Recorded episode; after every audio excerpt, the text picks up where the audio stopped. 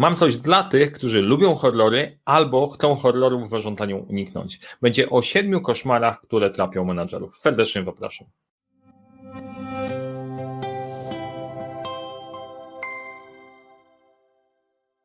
Cześć, nazywam się Mariusz Kapufta. Uczę, jak rozpoczynać i kończyć dwukrotne projekty w świecie, w którym brakuje czasu, brakuje zasobów, a to nie brakuje problemów i pomagam te problemy rozwiązywać. A dzisiaj zajmiemy się koszmarnymi problemami. Nie wiem, czy kojarzycie Freddy'ego Krugera, Koszmar w ulicy Wiązów.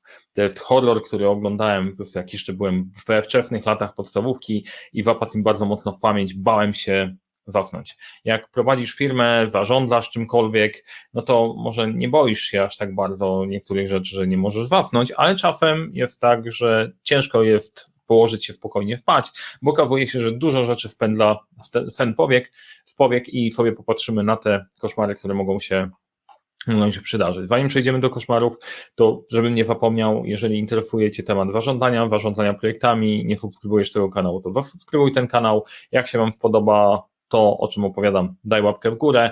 E, jak już oglądacie, wiecie, że tu jest porządny content, porządna wartość, polecajcie innym. Im na więcej, tym weselej i więcej treści będzie powstawało.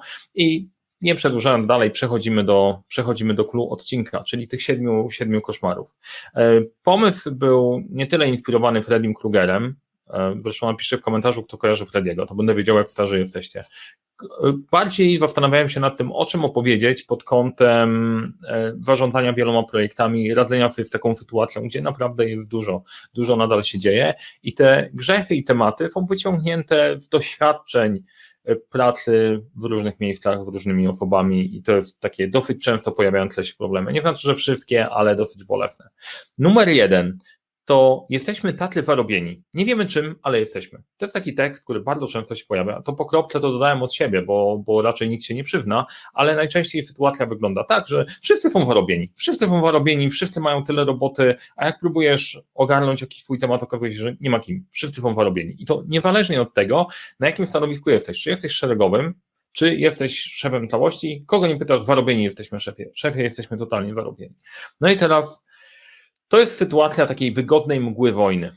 Fog of War to jest taki termin wzięty w wojskowości. Wszystkich, którzy grali w gry strategiczne, spotkali się z tym terminem na pewno. Mgła wojny oznacza, oznacza to, że nie wiesz wszystkiego, co się dzieje na polu bitwy, trzymając się po prostu tego punktu odniesienia. Czyli wiesz mniej więcej, gdzie się znajdują twoje jednostki, być może wiesz, gdzie się znajduje przeciwnik, ale nie znasz do końca terytorium, nie wiesz, jak to jak wygląda naprawdę sytuacja i część decyzji podejmujesz w ciemno, bazując na założeniach i dopiero w trakcie walki sobie rozpoznajesz, co się naprawdę zadziało. Jak ktoś grał w jakąkolwiek grę strategiczną, to wie, jak to wygląda, że czasem okazuje się, no powinno być spokojnie, wysyłasz tam jednostki, tam się okazuje, że przeciwnik się zgromadził, jest masakra. I mgła wojny przełożona na, na zarządzanie, to jest takie, że wszyscy są zarobieni, każdy coś robi, nikt nic nie wie, nie wiemy, nie mierzymy, nie mamy informacji, nie wiemy po prostu, co jest. Ta sytuacja jest wygodna dla tych wszystkich, którzy w tej mgle, mgle chcą się ukryć. Nie? Jak przeciwnik chce, żebyś dał mu spokój, chowa się gdzieś tam, i nie wiesz, gdzie on po prostu jest i nie będziesz mu mógł zrobić jakichś większych problemów. I teraz, e, żebyśmy się też dobrze zrozumieli, poukładali to, ja zakładam, że większość ludzi chce robić swoją robotę dobrze. I ta mgła wojny jest bardziej frustrująca, bo trudno cokolwiek zaplanować, trudno coś przewidzieć i non-stop reagujemy na to, co się nam z tej mgły wyłoni. Natomiast są osoby, które bardzo chętnie się w tej mgle ukryją. To jest bardzo wygodna sytuacja, jak jesteśmy wajęci. No, faktycznie jesteście wajęci, dziękuję. Co robicie? No, bardzo ważne rzeczy. Ale czy naprawdę te rzeczy są ważne, czy są istotne w tym momencie, czy naprawdę jesteśmy zarobieni? No to tutaj po prostu bez oparcia się o jakieś, jakiekolwiek dane, jakikolwiek wpis projektów, na których się pracuje, wpis badań, ktoś, czym się ludzie będą zajmować, czy czy ty jako menadżer w ogóle panujesz nad tym, co tam się dzieje pod spodem, no to e, ciężko, ciężko w ogóle zarządzać. I teraz tak, znam osoby, które mają podejście trochę zbliżone do mnie na zasadzie ufania ludziom, albo nawet bardziej niż ja. Ja też jestem najczęściej ufny. Ufam, że e, coś się tam, coś się tam zadzieje. Tylko była taka postać w historii niezbyt, niezbyt chwalebna, ale jego hasło można sobie zastosować ufaj, ale sprawdzaj. Czyli kontrola najwyższą formą zaufania. Pewnie kojarzycie, o kim mówię. E, fajnie, że sobie ufamy, ale jesteśmy tylko i wyłącznie ludźmi. Jeżeli nie mamy jakiegoś punktu odniesienia, nie mamy wpisanego czarno na białym, ile rzeczy jest do zrobienia, na czym mamy wrobić, gdzie są priorytety, gdzie w ogóle pracujemy, gdzie ja oddelegowałem ludzi, to łatwo się w tym pogubić.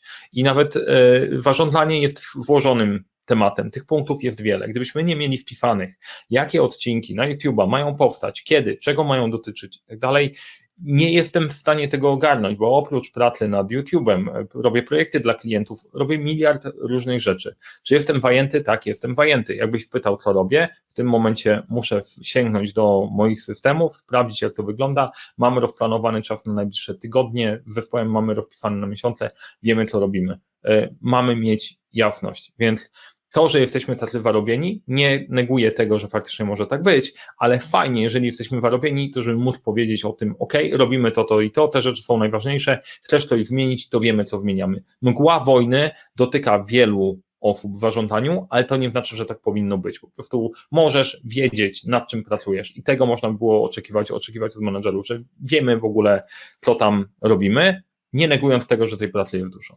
Drugi, e, drugi koszmar to jest strategia jest najważniejsza, chyba że nie jest.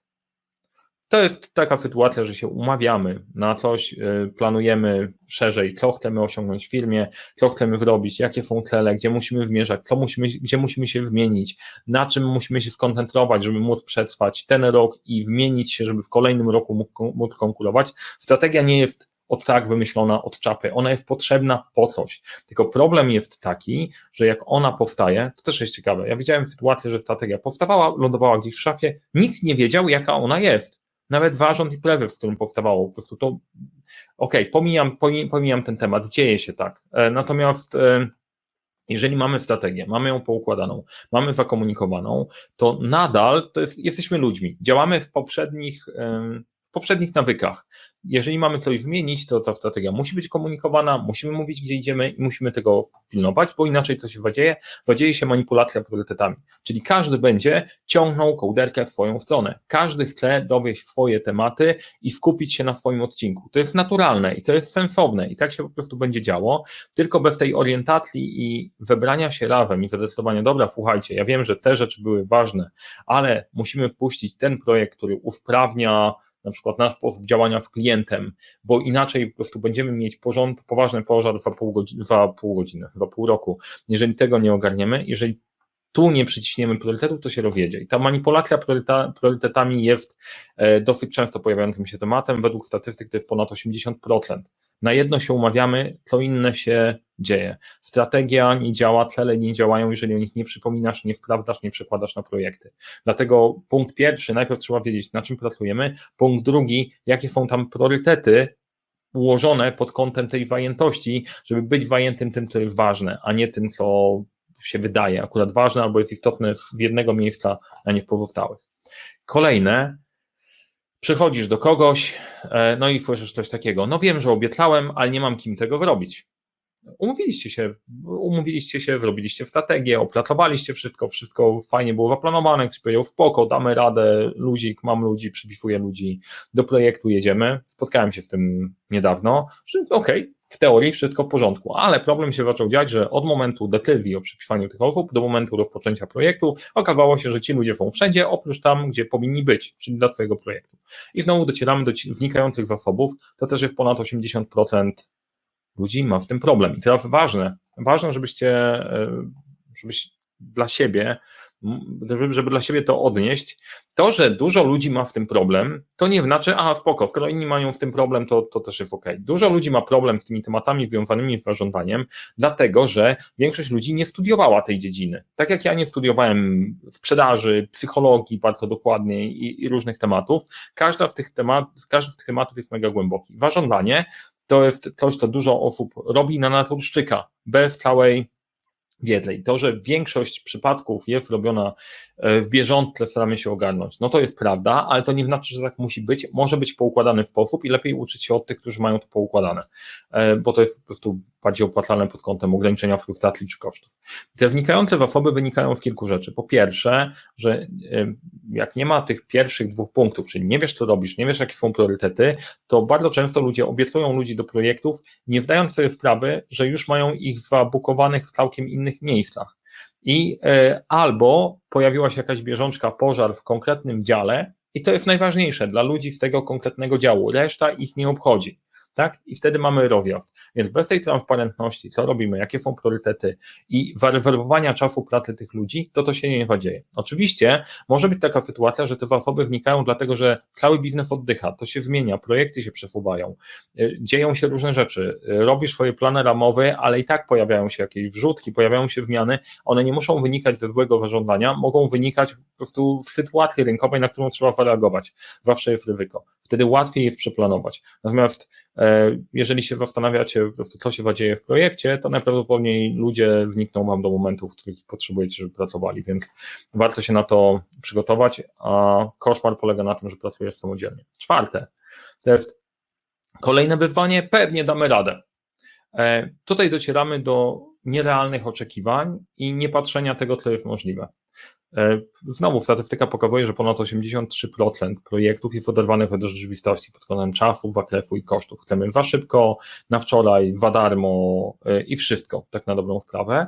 I znowu, ponieważ się poruszamy w mgle wojny, to bardzo dużo osób deklaruje się do zrobienia czegoś, na to już w tym momencie, w którym się deklaruje, nie ma zasobów czasu i możliwości, bo łączy się z tym jeszcze jedna rzecz. Oprócz nierealnych oczekiwań, które zawsze ciągną, wrzućmy za dużo na wczoraj i tak dalej, i praktycznie jesteśmy w stanie się tym udławić, to dochodzi niedoszacowanie poziomu skomplikowania przedsięwzięć, na których pracujemy. Tak mniej więcej 30% czasu nie doszacowujemy. Jeżeli szacuję, że coś trwa 3 dni, to pewnie będzie, pewnie, pewnie będzie 13. A jeszcze nie doszacowujemy poziomu skomplikowania, jeżeli trzeba zaangażować dwie, trzy jednostki, niezależne od siebie, albo jeszcze dostawcę wewnętrznego w innej organizacji, to robi spore zamieszanie. I e, takie łapanie, dobra, mamy wyzwanie, to zróbmy, damy radę, bo to, że przecież do, do ambitnych świat należy, nie? Latamy w kosmos i tak dalej. Ja myślę, że gdyby oni podchodzili do tego na zasadzie takie, a jedziemy w ten kosmos, może polecimy, może nie, no to raczej by nie wrócili. I Branson i, i Bezos nie wróciliby tutaj do nas. E, podejście jest trochę inne, więc Nierealne oczekiwania to jest koszmar numer cztery i najgorszą rzeczą to nie jest to, że te oczekiwania na początku są nierealne. Najgorszym koszmarem jest to, że po prostu łykasz jak pelikan, mówisz tak, bez negocjowania, co faktycznie musiałoby się wadziać, żeby móc to przyjąć. A dlaczego nie możesz tego zrobić? No bo nie wiesz nad czym pracujesz. A dlaczego nie wiesz nad, czym pracujesz? Bo to nigdy nie zostało wpisane. E, jeżeli to się wadzieje, to nie możesz spytać za bardzo o priorytet, bo zawsze wszystko, co wpada, jest najważniejsze. A jak nie masz listy priorytetów, to trudno jest odbić nierealne oczekiwania. Za to jakbyś miał taką listę priorytetów, no to mówisz, ok, dobra, w porządku, mogę to zrobić kosztem czego? I wtedy zaczynamy sensownie rozmawiać, każdy dostaje informację, że nie jesteś hamulcowym, który to powstrzymuje, tylko jesteś tym, kim, który mówi, dobra, słuchajcie, umówiliśmy się na coś jakiś czas temu, ja rozumiem, że może być zmiana, ta zmiana oznacza, że pewne rzeczy trzeba zaparkować i ich nie zrobimy, ok, z czego z czego zrezygnujemy? To jest po prostu cięższe. To jest jedno z najważniejszych pytań w pewnym momencie na etapie zarządzania, żeby sobie zdać sprawę, że nie zrobisz wszystkiego, tylko trzeba się zastanawiać w tych wszystkich, skupiamy się na najważniejszych, część po prostu się nie wadzieje, ale jesteśmy dumni z tego, z czego nie robimy. Więc to jest ten punkt, żeby się nie pakować w rzeczy, których od początku wiesz, że nie. Kolejne to jest koszmar, to jest podejście w poziomu szefa, takie mega wojskowe. O fuklefach informować, problemy rozwiązywać. Czyli generalnie nie zawracaj mi gitarę albo innej części ciała, aby gitara była częścią ciała, bo jestem fajny, masz i rób to. I to jest problem wynikającego w pomfora. E, w projektach jest ktoś, kto powinien projekt zacząć, zainicjować, to jest sponsor, to jest osoba, która ma moc, siłę do tego, żeby projekt się po prostu wadział i przepchnąć go przez organizację, gdyby coś się blokowało. Natomiast wnikający w komfort, to akurat nie jest aż tak źle, bo tylko 65% ma w tym problem, że ktoś zaczyna projekt, a później nie wspiera kierownika projektu. E, I to nie jest zła szkoła życia, jeżeli jesteś kierownikiem projektu, ale warto sobie wydać wprawę, jak jesteś w roli sponsora, albo jak masz sponsora, chcesz go uświadomić, że sponsor jak sobie wymyśli projekt, to przez chwilę jest spokój. Bo dopiero po jakimś czasie zaczyna się planowanie, rozpoczynanie i tak dalej, zaczynają się pojawiać problemy. Czyli ty sobie siedzisz, wymyślasz ten pomysł, dajesz i mówisz, o wow, ale spoko, wymyślę coś kolejnego i wymyślasz coś kolejnego i znowu jest cisza i spokój. I wymyślasz coś kolejnego, wrzucasz, a później wraca to do ciebie jak fala, te wszystkie po prostu projekty, które się zaczęły. Bo to jest, e, zaczynając jakiś projekt, wydajesz swój czas w przyszłości. I trzeba po prostu ten czas sobie w przyszłości zarezerwować. Aha, dzisiaj zaczynam projekt, jako sponsor będę potrzebował od kolejnego miesiąca jakąś część czasu na wspieranie kierownika projektu, albo to będzie wyciągało moich ludzi. I tutaj świetną rzeczą by było to, żeby jako sponsor mieć taką roadmapę na osi czasu, gdzie wiesz, jakie są projekty, wiesz, kiedy one będą się działy, wiesz, kiedy będą ludzie zaangażowani i wiesz, kiedy ty będziesz potrzebny do podejmowania decyzji. Ja rozumiem potrzebę tego, żeby wypchnąć i mieć w głowę i zająć się zarządzaniem ważnymi rzeczami, ale tamte też są bardzo ważne. Inaczej to, od czego zaczęliśmy, strategia po prostu się nie wadzieje. No po prostu e, nie ma opcji, więc jako wnikający sponsor, apel do sponsorów, nie wnikajcie. Jak masz wnikającego sponsora, to rób wszystko, żeby być w nim w kontakcie, no bo inaczej będzie słabo, wylądujesz z problemami samodzielnie. E, punkt numer 6. Jak nam idzie?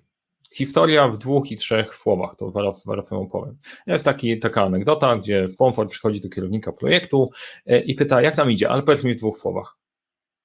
Mm, jest dobrze. Ok, w porządku, a gdybyś miał powiedzieć w trzech? Nie jest dobrze. No i teraz yy, zabawa polega na tym, jaki to jest problem. Zażądanie na czuja bez danych. Bardzo dużo zażądania dzieje się tak, że po prostu robimy. I to, to nie jest warządanie, to jest po prostu popychanie. Jakby chcecie oddzielić warządanie od popychania, popychanie i dowożenie jest bardzo ważną umiejętnością. Masz to zrobić, masz dowieść, żeby było. Tylko to nie jest do końca warządanie, to jest po prostu ogarnianie, to jest popychanie, to jest ogarnianie rzeczywistości. Warządanie oznacza, że w świadomy sposób podejmujesz decyzje, które prowadzą cię do osiągnięcia konkretnego celu. I jaki jest problem dla kogoś, kto jest wyżej w tej hierarchii, nie jest na pierwszej linii walki. Najczęściej ta osoba trochę szczebli wyżej, wyżej, e, może więcej, ale nie widzi więcej. Na tym polega zabawa. Tak naprawdę nikt nie widzi. Zarządzanie firmą e, jest takie, że ty nie wiesz, co się dzieje.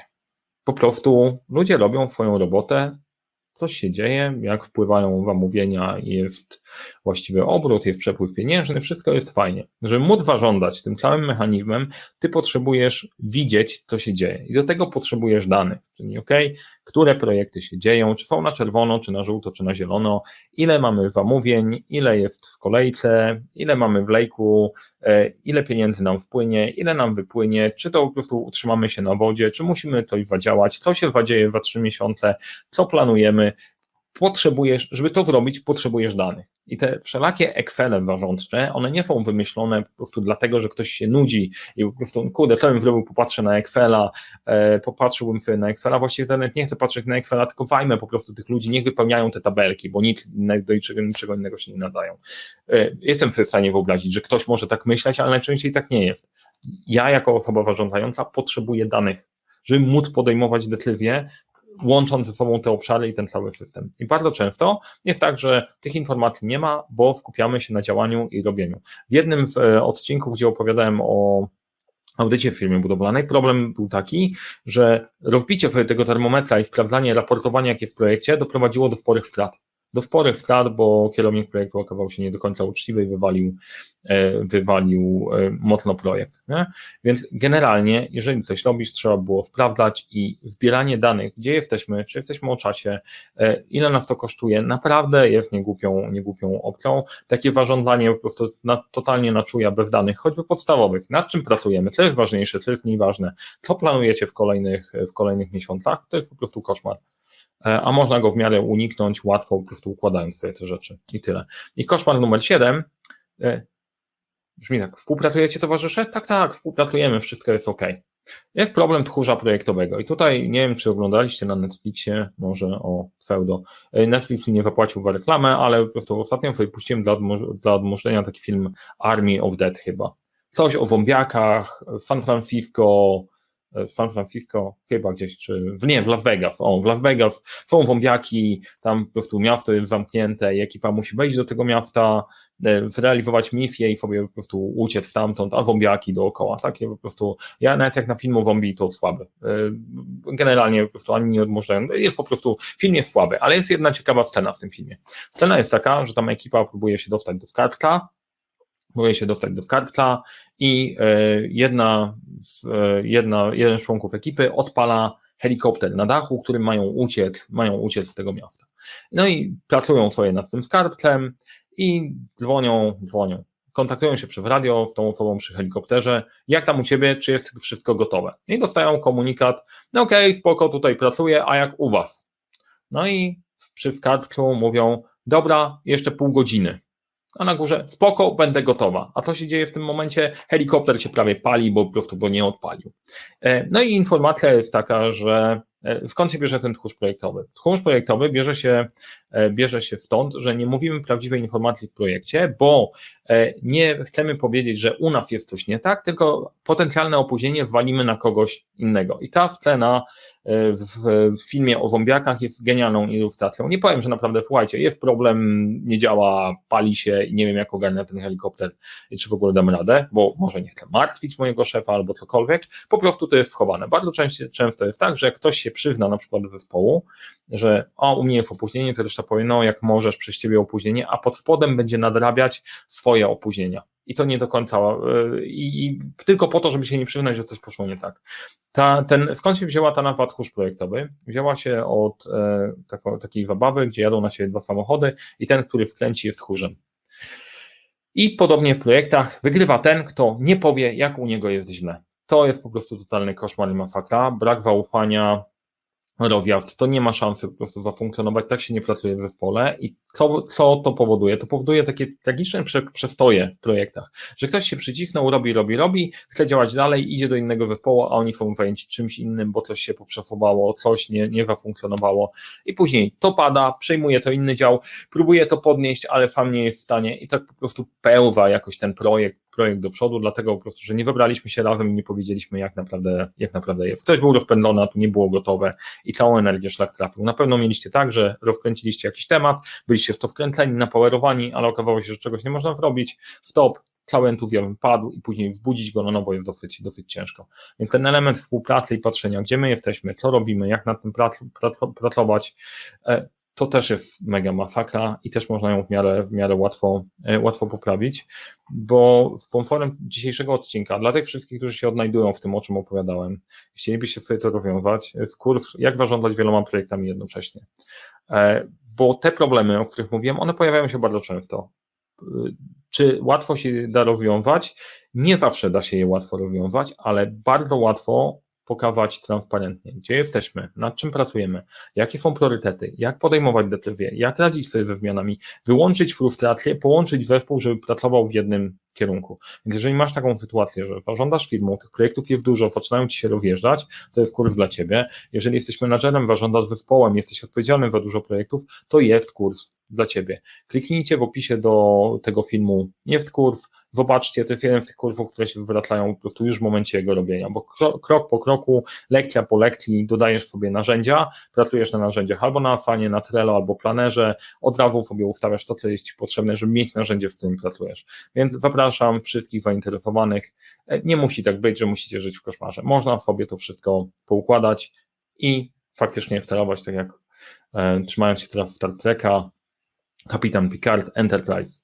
Wiecie, co się dzieje, załoga się komunikuje i wszystko dobrze działa. Więc powodzenia, nie dajcie się pakować w koszmary, do dzieła, bo samo się nie zrobi. No i pamiętajcie o głosie.